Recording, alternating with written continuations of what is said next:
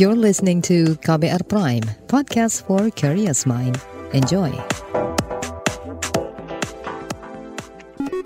Saatnya Anda dengarkan ruang publik KBR yang dipersembahkan oleh Direktorat Jenderal Pajak.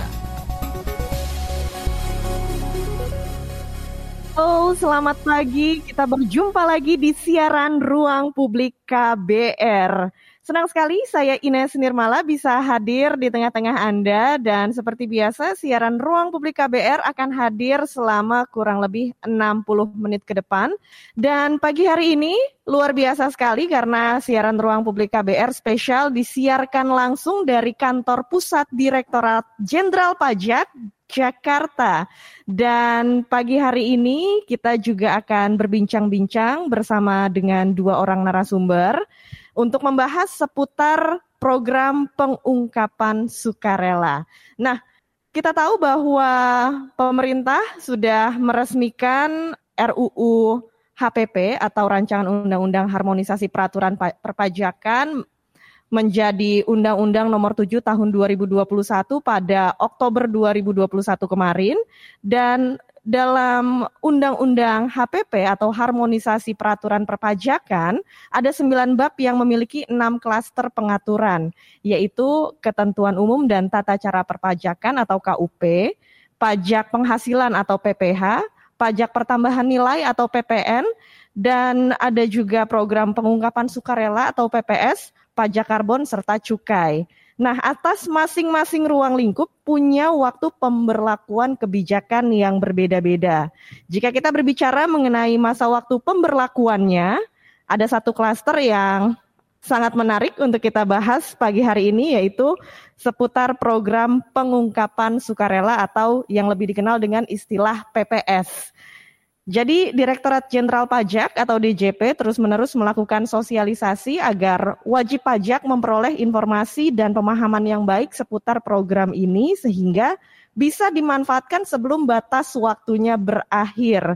Maka dari itu, kita yang mungkin masih belum terlalu paham dan ingin mengetahui lebih lanjut seputar PPS, Anda bisa dengarkan siaran Ruang Publik KBR sampai selesai ya, karena kita akan kupas tuntas seputar program PPS ini, uh, seperti apa programnya, siapa saja yang bisa memanfaatkannya, dan apa saja syarat untuk mengikutinya. Dan pagi hari ini langsung saja kita menyapa narasumber kita. Yang pertama adalah Bapak Bima Pradana Putra, fungsional penyuluh pajak ahli muda.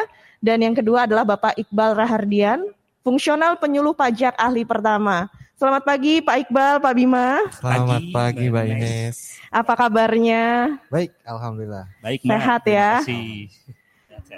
Oke, senang sekali saya bisa bertemu dengan Pak Bima, Pak Iqbal pagi hari ini dan tadi seputar undang-undang harmonisasi peraturan perpajakan yang sudah saya sebutkan ya Pak ya. ya. Ada beberapa klaster dan salah satunya yang menarik ini adalah seputar PPS, program pengungkapan sukarela.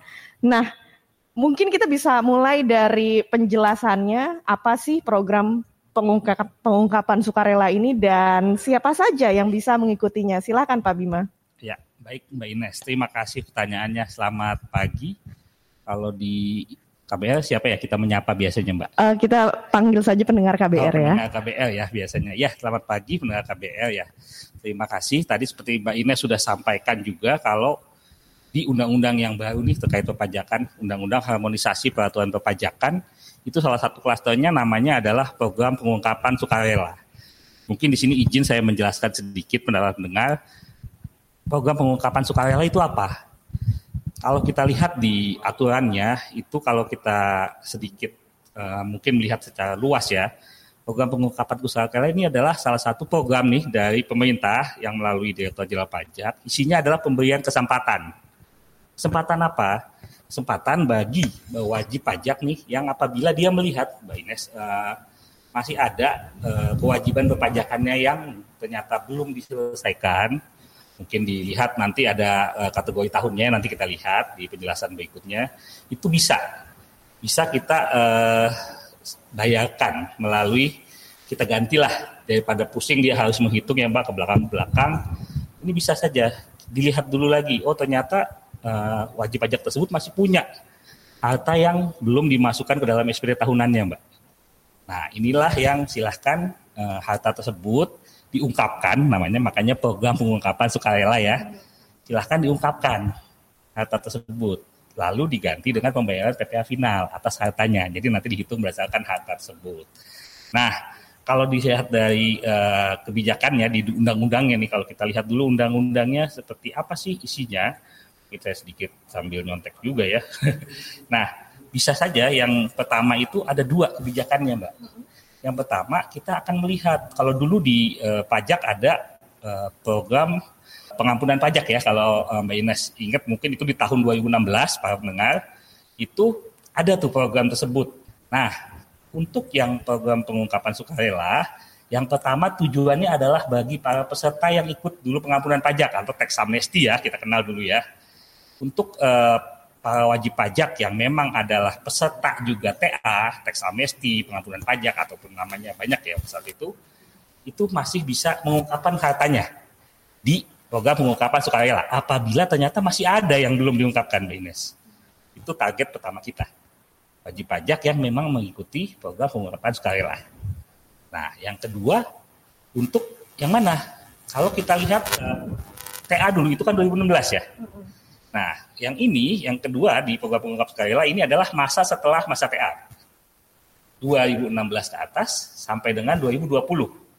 Jadi bagi wajib pajak yang ternyata memiliki harta yang belum diungkapkan di eh, sampai dengan surat pemberitahuan tahunan SPT tahunan orang pribadinya tahun 2020 itu masih bisa mengungkapkan di dalam program ini, masuk juga dia ke sana.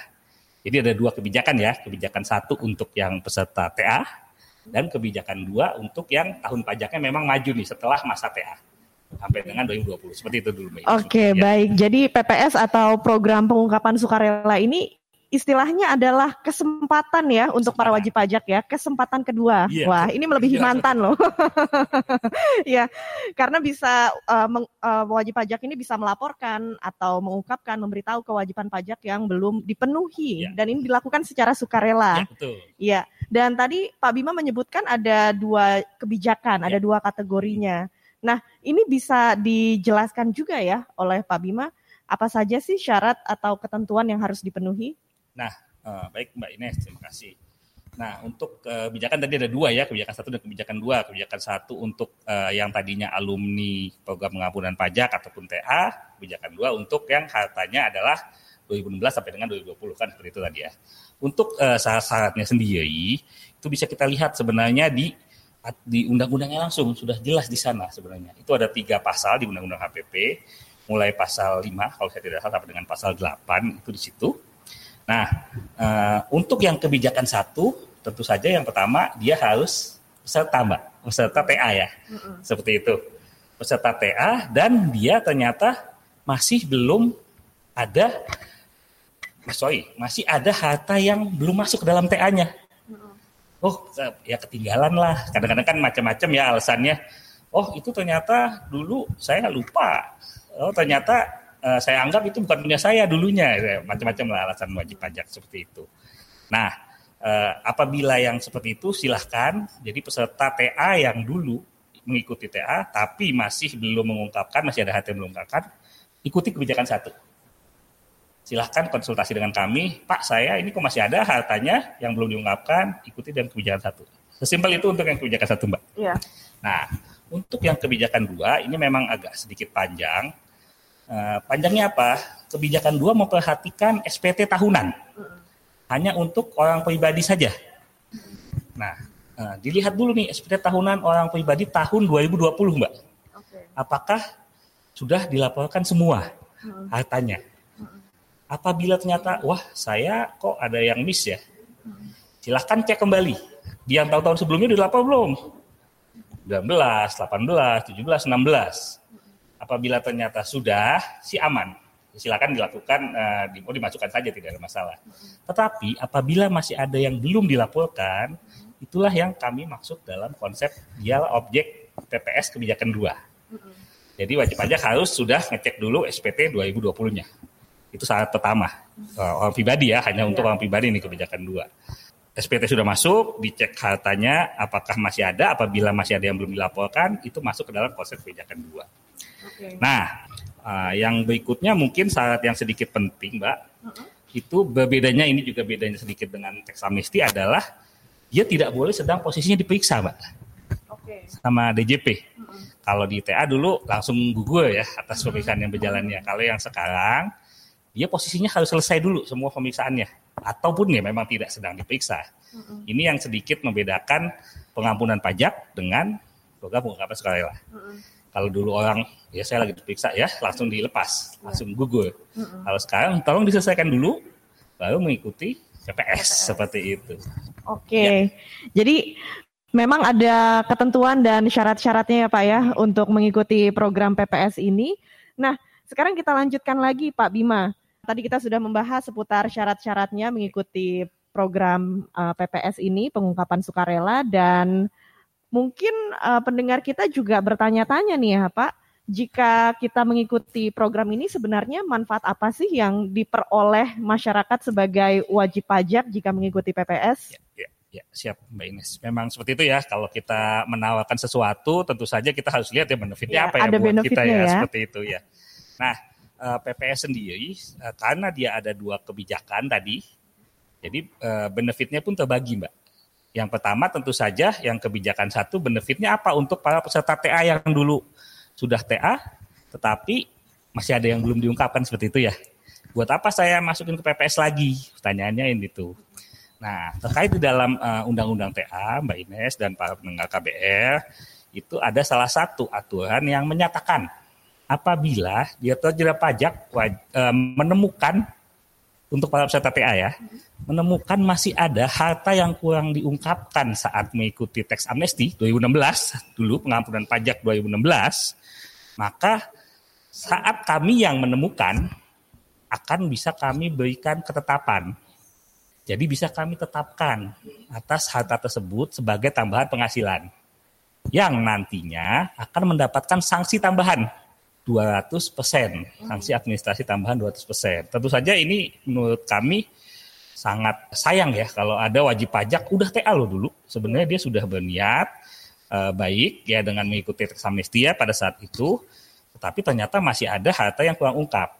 Dan memang secara data masih ada Mbak Dines. Makanya inilah kenapa salah satu yang mendasari uh, adalah program pengungkapan sukarela ini untuk menghindari untuk para teman-teman yang sudah mengikuti TA atas 2016 itu tidak terkena sanksi administrasi tambahan 200 persen ya. ya. Karena kami menjadi sangat berat di sana. Betul. Nah, nah lalu eh, bagaimana untuk yang kebijakan dua yang mengikuti kebijakan dua hartanya 2016 sampai dengan 2020. Nah, makin uh, ke sini seperti yang pernah ketahui data itu makin banyak data yang dimiliki oleh Direktur Jenderal Pajak makin besar. Kami makin mengetahui ternyata masih ada yang kurang patuh dari sisi inilah ya, atau uh, belum menjalankan kewajiban perpajakannya dengan uh, benar lah, baik tidak tahu ataupun memang sengaja seperti itu. Nah, dengan adanya program pengungkapan sukarela ini, tentu saja sukarela ya, silakan wajib pajak nih melihat lagi kembali laporan SPT tahunannya, kewajiban perpajakan lainnya. Apakah masih ada yang belum? Dengan mengikuti program pengungkapan rela, kami tidak akan lagi menerbitkan ketetapan untuk tahun pajak selama proses eh sorry, selama periode kebijakan dua 2016, 2017, 2018, 2019, 2020. Selama uh, wajib pajak sudah mengungkapkan semuanya ya. Jadi kan dia ungkapkan nih harta yang uh, dia belum ungkap 2006 yang dia dapatkan 2016 sampai dengan 2020. Ungkapkan semua di dalam PPS maka Direktur Jenderal Pajak tidak akan menerbitkan ketetapan atas tahun pajak tersebut lagi. Itulah uh, ini mirip dengan TA sebenarnya. Di TA juga ada nih uh, uh, benefit ini. Dan mungkin ada satu benefit lain yang uh, kami bisa sampaikan nanti di, ada di undang-undangnya atas uh, data yang telah diungkapkan di dalam rela itu data tersebut tidak akan bisa digunakan oleh institusi lain untuk menuntut wajib pajak karena dianggap sudah masuk ke dalam skema sistem uh, perpajakan Indonesia, sistem digital pajak, maka dia tidak akan dapat digunakan untuk penuntutan. ya tidak akan ya boleh bilang bersih lah ya, ya. datanya seperti itu mungkin oh. itu Mbak Ines ya. baik jadi memang uh, manfaatnya itu sangat bisa dirasakan oleh wajib pajak jika mengikuti PPS atau program pengungkapan sukarela ini ya Pak ya ya, ya. dan kita akan kembali lagi ke ruang publik KBR setelah yang berikut ini masih Anda dengarkan ruang publik KBR yang dipersembahkan oleh Direktorat Jenderal Pajak Masih di siaran Ruang Publik KBR dan pagi hari ini masih bersama saya Ines Nirmala dan juga dua orang narasumber kita, Bapak Iqbal Rahardian, fungsional penyuluh pajak ahli pertama dan juga Bapak Bima Pradana Putra, fungsional penyuluh pajak ahli muda. Pagi hari ini kita membahas seputar program pengungkapan sukarela. Jadi ini memang ditujukan bagi masyarakat, bagi wajib pajak yang mempunyai harta dan belum melakukan pengungkapan ini kita bisa sekarang mengikuti program yang disediakan oleh pemerintah yang tentu saja banyak benefitnya ya bagi para wajib pajak. Tadi kita sudah bahas apa saja benefitnya, syaratnya dan uh, seputar apa sih program ini. Selanjutnya kita berbincang lagi kita melanjutkan obrolan bersama Bapak Iqbal Rahardian. Iya, siap. Iya. Nah, selanjutnya untuk program ini berlaku sampai kapan, Pak? Oke, baik. Terima kasih Mbak Ines dan pendengar KBR. Gantian nih saya ya, yang menjelaskan ya. Gantian ya. Oke, siap. uh, jadi untuk uh, program pengungkapan sukarela ini atau kita singkat PPS ini itu berlangsung selama enam bulan, Mbak Ines. Ya. Jadi sebenarnya sudah cukup lama ya. Jadi sudah berjalan mulai dari tanggal 1 Januari 2022 sampai dengan bulan ini terakhir nih, tanggal 30 Juni 2022. Jadi uh, kepada wajib pajak ya, kawan pajak semua, para pendengar KBR juga kami sangat-sangat menyarankan untuk bisa memanfaatkan uh, program pengungkapan sukarela ini yang mana memang akan berakhir sebentar lagi nih, tanggal 30 hmm. Juni 2022. Gitu Mbak Ines. Oke, jadi memang ini sudah berlangsung sejak awal Januari dan programnya berlangsung selama enam bulan. Mungkin uh, bagi yang menyimak lewat YouTube juga sudah melihat ya di background kita program PPS ini akan berlangsung selama kurang lebih tiga minggu lagi. Iya, ya. betul sekali, betul sekali. Jadi ini perlu dimanfaatkan sebaik-baiknya untuk kita semua dan uh, sepertinya juga banyak yang penasaran nih Pak Iqbal seputar tarif pajaknya ya. Karena penting juga nih kita membahas seputar tarifnya karena ada pajak penghasilan yang harus dibayar oleh wajib pajak. Itu berapa tarif PPh-nya, Mas? Baik, terima kasih Mbak Ines. Jadi memang pertanyaan terkait dengan tarif pada program pengungkapan sukarela ini adalah pertanyaan yang sangat-sangat banyak dipertanyakan gitu ya. Jadi sangat penting untuk diketahui oleh uh, para kawan pajak dan pendengar KBR semua.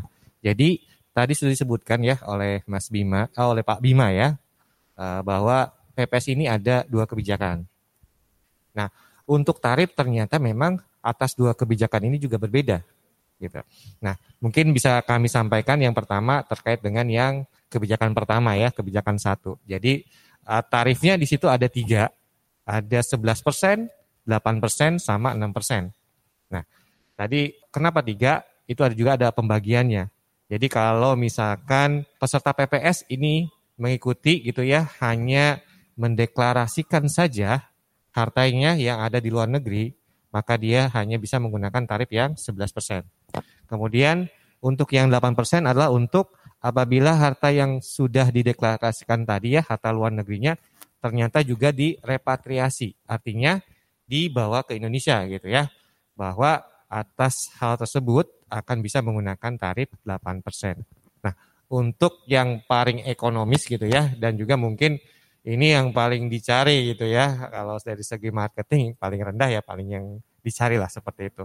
Nah, untuk yang 6% itu untuk yang ternyata hartanya tadi ya sudah dideklarasi, kemudian repatriasi, lalu kemudian dilakukan investasi yang mana bentuk investasinya memang sudah ditentukan.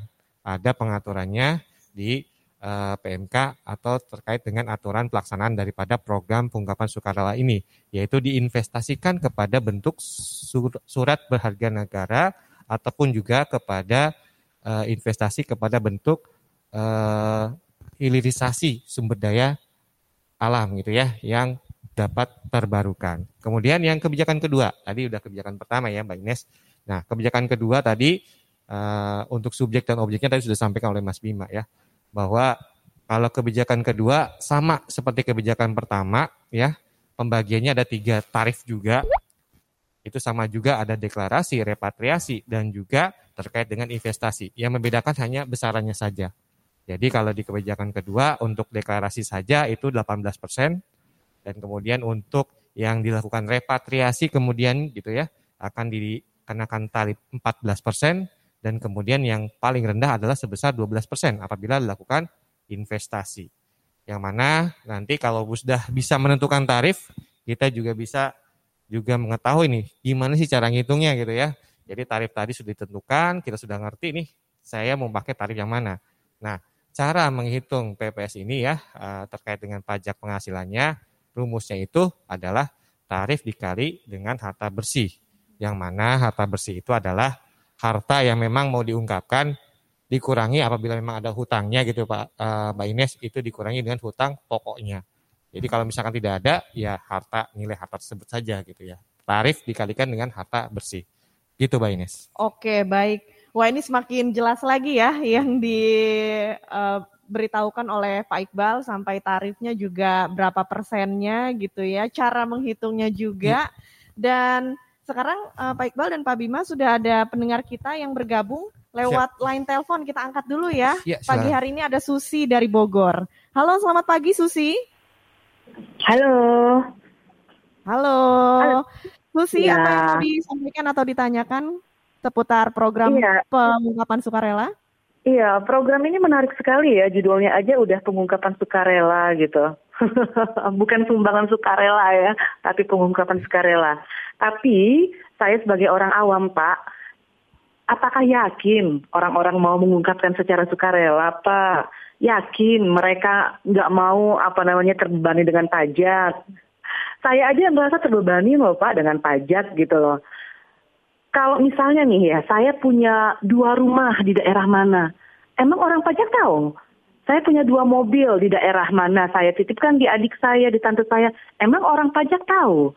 Gimana itu ya cara orang pajak ini uh, mengulik gitu agar orang mengungkapkan secara sukarela? Karena orang-orang kan banyak, saya aja nih Pak ya, males banget mau mengungkapkan harta pribadi saya secara sukarela gitu. Karena saya merasa untungnya buat saya apa? Yang ada saya duit saya habis gitu loh buat bayar pajak. Nah ini gimana? Efektif nggak sih Pak program ini dan gimana cara orang pajak menelusuri harta orang-orang itu supaya diungkapkan atau tanpa harus diungkapkan secara sukarela ya mereka udah itu jujur aja sendiri gitu. Itu aja, makasih. Terima kasih Susi di Bogor, luar biasa sekali sudah bergabung di ruang publik. Nah, langsung saja ya diberi tanggapan oleh Pak Iqbal.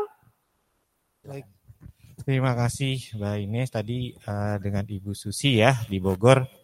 Uh, salam ulang Bogor, saya juga orang Bogor Bu Susi. Oke, baik. Jadi tadi ditanyakan, uh, kalau saya mungkin bisa menjawabnya begini ya. Ketika uh, ada menanyakan dari wajib pajak emang bisa nih harta kami diketahui oleh orang pajak gitu ya. Jadi memang uh, istilahnya apa ya fenomena yang terjadi sekarang gitu ya Bapak Ibu sekalian para pendengar KBR dan juga kawan pajak kita sebenarnya sudah uh, ada namanya aktivitas untuk menyampaikan surat ya di mana surat itu isinya adalah uh, membandingkan data yang memang kita miliki terkait dengan harta, ya, basis data harta yang dimiliki oleh wajib pajak dengan dibandingkan dengan SPT yang mana telah dilaporkan oleh wajib pajak.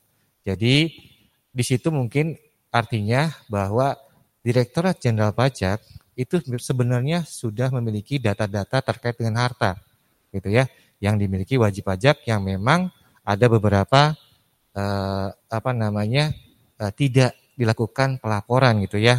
Mungkin ada kelalaian di situ atau terlupa di situ ya. Jadi sehingga belum dilaporkan. Nah, di situ adanya program pengungkapan sukarela ini adalah kesempatan sebenarnya diberikan kepada eh, kawan-kawan pajak semua, para pendengar KBR, bahwasanya di kami mungkin nanti akan dijelaskan lebih lanjut oleh Mas Bima ya, ada AOI ya Mas ya, terkait dengan pertukaran data terkait dengan harta sehingga di jeda waktu Januari sampai dengan Juni ini adanya program pengukuhan sukarela itu adalah kesempatan untuk bisa menyampaikan harta yang memang belum diungkapkan secara sukarela sebelum nanti mungkin ada terkait dengan uh, penegakan uh, untuk memenuhi kewajiban perpajakannya yang memang akan lebih besar lagi ya kalau kita hitung-hitungan secara nanti akan pembayaran pajaknya berapa gitu ya. Jadi uh, saya rasa kalau misalkan uh, wajib pajak, kawan pajak, para pendengar KBR berkata, oh saya terbebani pajak dan sebagainya, mungkin akan lebih baik lagi apabila nanti uh, ada data harta yang memang belum diungkapkan, ikuti BPS ini. Kenapa? Karena ini adalah kesempatan yang sangat istimewa. Apa yang nanti harus di istilahnya dibayarkan itu akan lebih lebih sangat lebih kecil daripada nantinya ditemukan data dan diwajar uh, dibayarkan atau disetorkan pajaknya secara normal seperti itu. Iya, baik. Karena pajak itu adalah kewajiban kita semua ya. Jangan berpikir ah bayar pajak uang saya keluar lagi keluar lagi yeah. gitu. Yeah, betul, Justru betul. ketika ada program PPS ini bisa kita manfaatkan sehingga yang dibayarkan ketika kita mengungkapkan secara sukarela itu lebih sedikit yeah, jadinya ya. Betul, betul. Oke, baik. Dan kita akan lanjut lagi ya Pak Iqbal dan Pak Bima untuk ngobrol-ngobrol seputar program pengungkapan sukarela dan kita juga masih mengajak pendengar ruang publik KBR untuk ikut bergabung, silahkan Anda menghubungi telepon bebas pulsa di 0800 245 7893 atau WhatsApp di 08 12 118 8181 dan Anda juga bisa menyimak siaran pagi hari ini lewat YouTube di channel Berita KBR. Jangan ke mana-mana, tetap di ruang publik yang dipersembahkan oleh Direktorat Jenderal Pajak. Masih Anda dengarkan Ruang Publik KBR yang dipersembahkan oleh Direktorat Jenderal Pajak.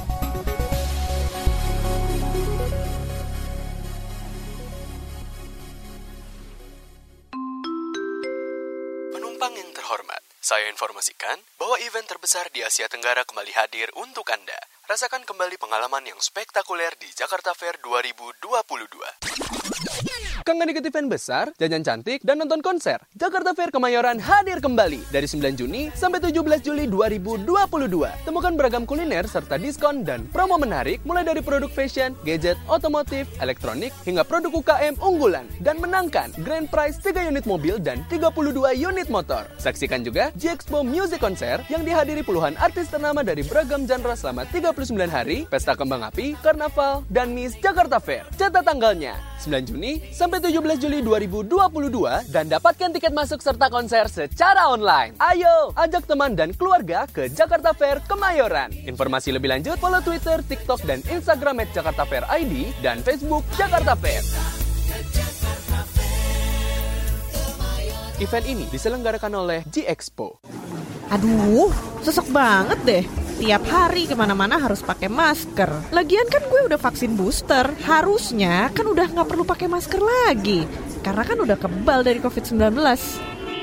Aduh, itu orang-orang ngapain sih ngantri-ngantri buat vaksin segala? Mana sampai tengah jalan lagi, bikin macet aja. Lagian ya, orang yang udah vaksin aja masih tetap bisa kena COVID. Ngapain coba segala vaksin-vaksin? Yang penting sekarang tuh prokes. Ingat, pandemi COVID-19 belum berakhir. Tetap disiplin protokol kesehatan.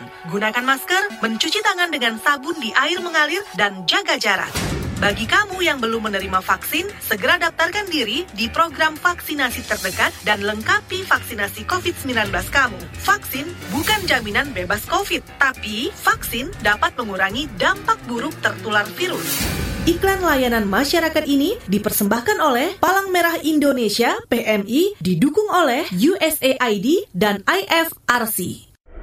Hai Sobat Cuan, kamu lagi ngerintis usaha tapi belum punya kantor atau masih bingung mau ngantor di mana karena perkantoran masih pada tutup. Mau kerja dari kafe tapi suasananya pasti rame banget, banyak orang. Eits, jangan bingung, mending ke Cohive aja. Cohive aja. Dapatkan promo kantor dan promo meeting room sekarang juga. Kamu bisa sewa untuk kantor pribadi gratis hingga 2 bulan hanya di Cohive. Ada juga promo menarik lainnya, hanya dengan 99.000 aja kamu udah bisa sewa meeting room dan free to daily pass. Nah, tunggu apa lagi? Yuk buruan booking sekarang juga dan dapatkan promo-promo menariknya. Untuk informasi lebih lanjut, hubungi telepon 021 5082 0840, WhatsApp di 0878 7612 1444 dan email info at kohive.space atau langsung cek Instagram at kohivespace dan website www.kohive.space. Syarat dan ketentuan berlaku ya. Anda tengah mendengarkan KBR, radio berjaringan yang berpredikat terverifikasi oleh Dewan Pers. Masih Anda dengarkan Ruang Publik KBR yang dipersembahkan oleh Direktorat Jenderal Pajak. Masih di siaran ruang publik KBR, masih dari kantor pusat Direktorat Jenderal Pajak. Siaran hari ini live ya, kita dari luar studio. Dan tentu saja saya Ines Nirmala masih bersama dengan dua orang narasumber kita, yaitu Bapak Iqbal Rahardian, fungsional penyuluh pajak ahli pertama, dan Bapak Bima Pradana Putra, fungsional penyuluh pajak ahli muda. Di siaran ruang publik KBR, silakan Anda bergabung lewat telepon bebas pulsa di 0800 245 7893 atau WhatsApp di 0812 118 8181 dan juga Anda bisa bergabung lewat live chat YouTube dan tentu saja kita pagi hari ini membahas seputar program pengungkapan sukarela. Dan Pak Bima, ini juga sudah ada pendengar KBR yang bergabung lewat YouTube di channel Berita KBR. Saya bacakan ya komentar dari Wikan Wiratsongko.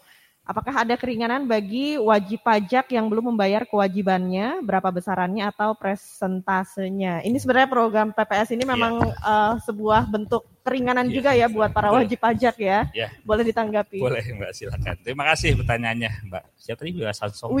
Wikan Wiratsongko. Jadi seperti ini ya kita melihatnya. Tadi kalau lihat dari definisinya program pengungkapan sukarela kan dan seperti kita tahu namanya program ya, jadi khusus sekali ini. Itu adalah pemberian kesempatan. Kesempatannya seperti apa? Seperti kalau kami yang menemukan apabila tadi terdapat harta yang kurang diungkap atau tidak dilaporkan dalam SPT tahunan ya, karena pengungkapan kan di dalam SPT tahunan sebenarnya, itu berapa sih yang dikenakan? Tentu saja tarifnya pasti lebih tinggi daripada program PPS ini kepada ibu pendengar uh, eh, KBR ya. Seperti itu. Uh, mungkin uh, kalau saya bisa izin memberikan ilustrasi sedikit Mbak Ines, untuk orang pribadi nih apabila terdapat harta yang kurang ungkap lalu kami yang menemukan di jeda pajak yang menemukan tarif paling dasarnya adalah 30% Bapak dan Ibu. Tadi kalau Mas Iqbal sudah cerita sedikit untuk PPS ini berapa tarifnya? Paling tingginya adalah 18 ya benar ya Mas Iqbal. Dan paling rendahnya bisa 6%. Tentu saja angka tersebut jauh daripada dibandingkan bahkan dengan tarif dasar yang 30 persen. Kita belum bicara mengenai sanksi dan lain sebagainya. Sanksi kurang ungkap kok sudah lama diungkapnya baru sekarang dan lain sebagainya. Itu eh, ke sana. Jadi memang eh, program pengungkapan sukarela inilah tadi diskon ya mungkin ya eh, keinganan ya kata-katanya keinganan inilah keinganan yang kami tawarkan Bapak dan Ibu. Eh, tolong dimanfaatkan uh, silahkan berkonsultasi apabila memang terdapat hal yang mungkin atas saya seperti ini kondisinya. Silahkan berkonsultasi baik dengan KPP yang terdekat bisa juga dengan layanan khusus nanti akan disampaikan oleh Mas Iqbal. Apa saja sih layanan-layanan untuk kita bertanya? Jadi seperti itu. Mungkin itu dulu Mbak Ines. Oke okay, baik. Uh, kita lanjut ya, ya. Pak Bima untuk pertanyaan berikutnya. Ini ada yang mau konsultasi nih Pak. Iya. Pertanyaan dari komen YouTube Winkil nama akunnya ya. ya. Saya mau tanya Pak, kalau wajib pajak dapat surat bahwa yang bersangkutan ada deposito di hmm. bank yang belum dilaporkan di SPT. Siap. Apa yang harus dilakukan dan berapa bayarnya jika belum lapor satu miliar? Terima kasih. Baik, uh, Mbak Ines. Nah ini tadi ya, tadi sudah disampaikan nih Mas Iqbal sedikit uh, menjawab pertanyaan dari Bu Susi tadi. Direktur Jenderal Pajak mengirimkan surat kepada eh, teman-teman uh, wajib pajak itu isinya adalah imbauan, Mbak Inel. Imbauan untuk mengikuti program pengungkapan sukarela PPS. Nah, di dalam surat imbauan itu dia mendetailkan data apa saja data apa saja sih yang saat emailnya dikirimkan DJP miliki untuk wajib pajak yang mendapatkan emailnya tersebut. Jadi spesifik nih. Imbauan surat imbauan ini, ini spesifik nih ke setiap wajib pajak yang menerimanya. Jadi tidak umum. Datanya berbeda-beda untuk setiap orang. Nah, mungkin salah satunya uh, Pak Wingkel tadi ya, itu menerima nih suratnya seperti itu nih Mbak Ines. Nah, atas surat itu wajib pajak harus seperti apa? Yang uh, wajib pajak teman-teman wajib pajak harus lakukan adalah silahkan kembali melihat pelaporan SPT tahunan orang pribadinya. Mulai, baik mulai dari tahun 2021 yang kemarin baru ya, 2020, 2019, 2018, seluruhnya tolong dicek kembali. Apakah masih terdapat uh, penghasilan yang belum dilaporkankah? Ataupun misalnya harta yang belum dilaporkan, atau misalnya data keluarganya salah, jadi salah satunya kan itu tuh benar-benar SPT tahunan itu digunakan untuk melaporkan seluruh penghasilan diterima di tahun tersebut soalnya. Jadi macam-macam penghasilan kah, mungkin harta, bisa hutang, bisa daftar keluarga, mungkin dia misalnya dapat uh, pekerjaan lain di luar pekerjaan utamanya, penghasilan juga itu masuk semua ke dalam SPT tersebut. Silakan wajib pajak cek apabila ternyata masih ada diskrepensi yang lain ya, uh, maksudnya yang dilaporkan ternyata berbeda dengan yang uh, dia terima di tahun tersebut. Nah, itulah dimungkinkan orang tersebut mengikuti PPS. Tadi ditanya juga oleh Pak oh ada deposito miliar belum dilaporkan, berapa tarifnya? Dulu uh, Pak ini harus dilihat dulu. Di PPS ini ada tahunnya tadi ada dua kebijakan. Jadi masuk kebijakan yang mana untuk deposito tersebut? apakah e, ternyata dimilikinya itu tahunnya adalah sebelum tahun 2016, 2016 ke bawah, atau dia didapatkan di tahun 2016 ke atas sampai dengan 2020. Harus dicek. Tadi tarifnya sudah disampaikan oleh Mas Iqbal ya, ada eh, eh, 6 tadi totalnya kalau dari dua kebijakan. Nanti Pak Wingkel bisa cek tuh. Saya ini, oh ha, deposito saya dilihat dulu, deposito saya di dalam negeri atau di luar negeri kalau memang di luar negeri mungkin harus mengikuti uh, yang tarif paling besar. Kalau dia cuma bilang, oh saya cuma punya deposito.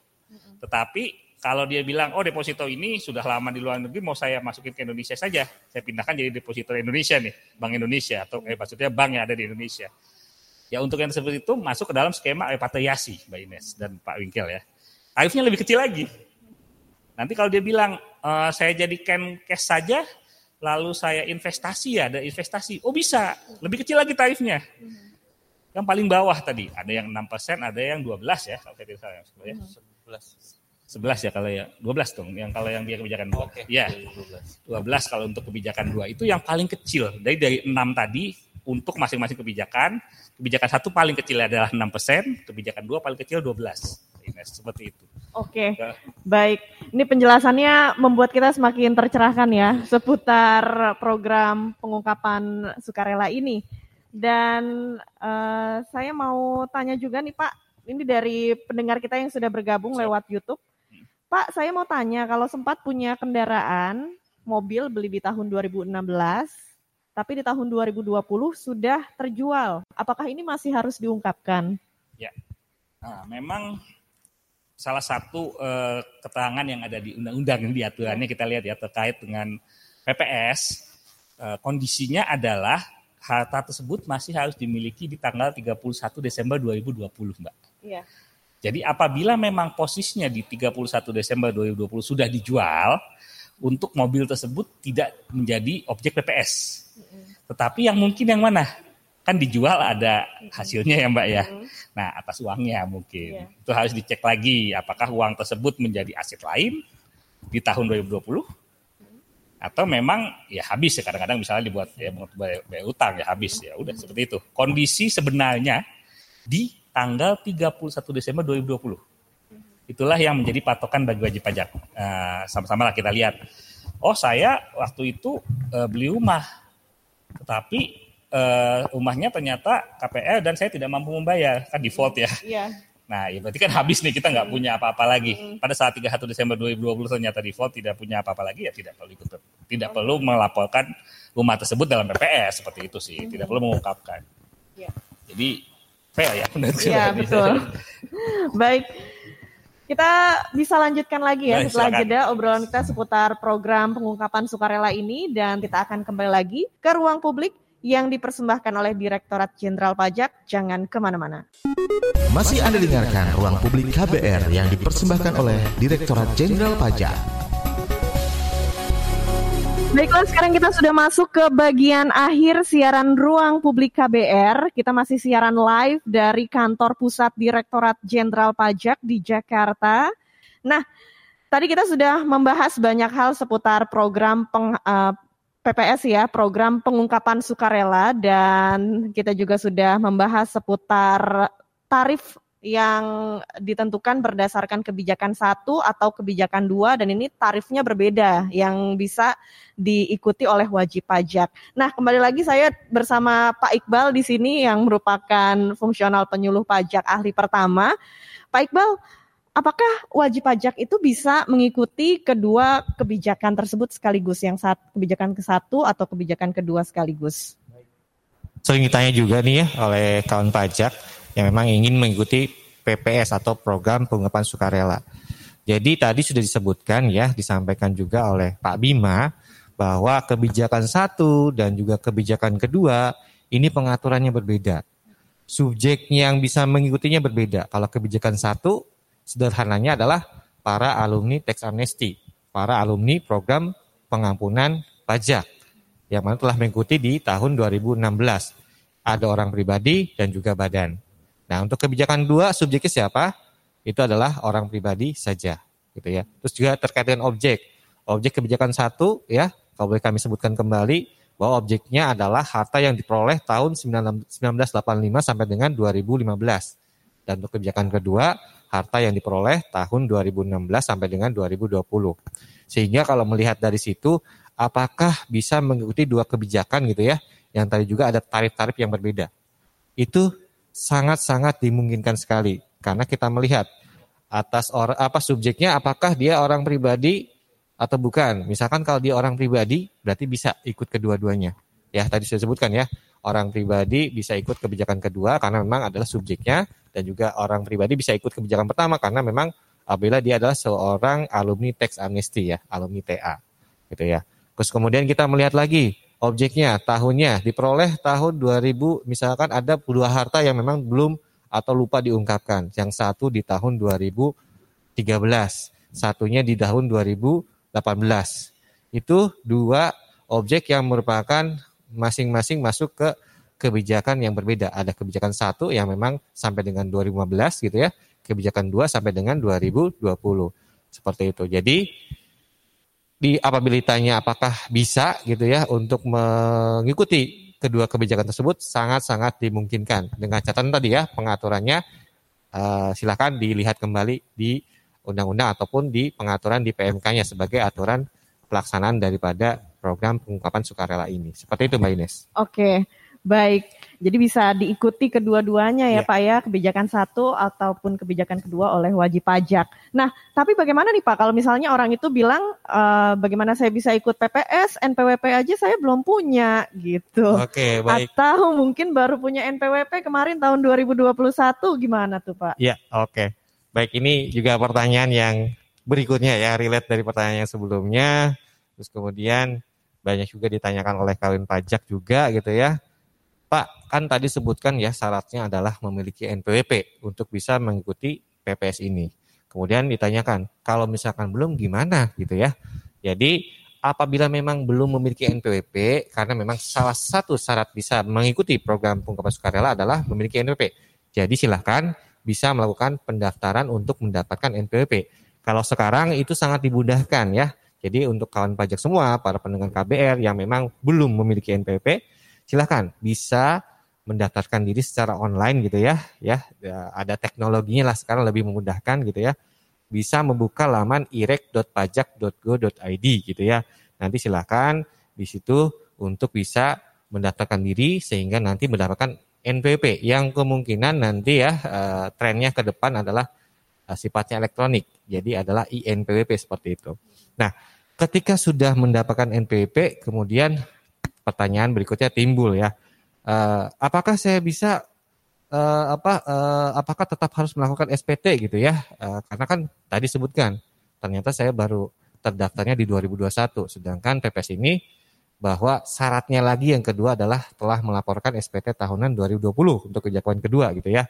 Jadi jika memang ingin mengikuti PPS gitu ya, bahwasanya apabila Uh, ini khusus untuk kebijakan kedua ya, karena salah satu syaratnya adalah telah melaporkan SPT. Jadi untuk wajib pajak baru, kita akan melihat dua kondisi. Yang pertama adalah apakah wajib pajak baru tadi yang memang terdaftar di 2021 itu telah memenuhi ke, apa kewajiban subjektif dan objektifnya itu hanya di tahun 2021 aja gitu ya, baru mulai gitu ya. Nah, kalau memang baru mulai gitu ya, apabila dia ternyata memang harus memiliki NPP, kemudian memiliki penghasilannya mulai tahun 2021 atau memiliki hartanya mulai tahun 2021, sederhana seperti itu, maka dia tidak wajib mengikuti PPS. Tapi apabila ternyata yang kondisi kedua, apabila dia baru memiliki NPP nih di 2021 gitu ya. Tapi ternyata kewajiban subjektif dan objektifnya tersebut itu sudah ada di tahun-tahun sebelumnya. Katakanlah kita misalkan telah ada kewajiban subjektif dan objektifnya di tahun 2017. Maka atas e, kondisi tersebut si wajib pajak tadi memang bisa mengikuti program pengungkapan sukarela ataupun ada opsi lain. Dia silakan juga bisa menyampaikan SPT-nya secara e, berurut mulai dari tahun dia telah memiliki kewajiban subjektif dan objektif. Tapi tadi sebutkan ya bahwa oleh Pak Bima juga ya Uh, kalau misalkan hanya menyampaikan SPT, ada uh, besaran tarif yang lebih besar gitu ya, dan juga ada sanksinya. Jadi silahkan ada kesempatannya itu adalah dengan mengikuti program pengungkapan sukarela. Seperti itu Mbak Ines. Oke baik, jadi memang bagi yang belum punya NPWP bisa langsung mendaftarkan saja ya. Bisa, sangat bisa. Lewat online sekarang lebih mudah karena ya. uh, teknologi digital sekarang memudahkan kita untuk uh, membuat NPWP nggak usah datang lagi ke kantor pajak kantor sekali, seperti ya. beberapa tahun yang lalu ya. Iya. Oke, baik. Pak Iqbal mungkin kita bisa langsung saja singgung seputar uh, pesan kepada pendengar kita karena waktu kita sekarang sudah uh, tinggal sedikit lagi di siaran ruang publik KBR. Apa yang mau disampaikan bagi pendengar kita? Silakan Pak Bima. Oh iya, mungkin saya dulu ya Mas. Siap, siap, senior, senior. Silakan. Jadi uh, seperti ini aja para pendengar KBR. Ini kalau kita lihat tadi sudah disampaikan ya, sudah kemarin coba sampaikan batas waktunya program PPS ini mendekat sekali, tiga minggu lagi. Hanya sampai 30 Juni 2022. Tolong dicek kembali uh, kewajiban perpajakannya, dicek kembali SPT tahunannya, dan emang kalau memang memungkinkan tolong diikuti program ini Mbak Ines dan uh, para pendengar semua silahkan nanti uh, Mas Iqbal mungkin bisa menyampaikan kita bisa kontaknya ke mana dan lain sebagainya. Uh, tolong juga para pendengar informasikan ke semua yang dikenal, keluarganya, teman-temannya. Uh, dengan tujuan apa? Kita sama-sama melihat nih kewajiban perpajakan kita berjalan dengan benar.